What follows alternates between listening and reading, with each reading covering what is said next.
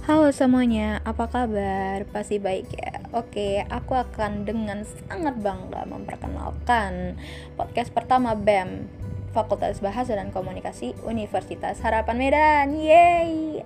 Kami menamainya POTBI. Ya, memang singkat banget, tapi memang itu tujuannya.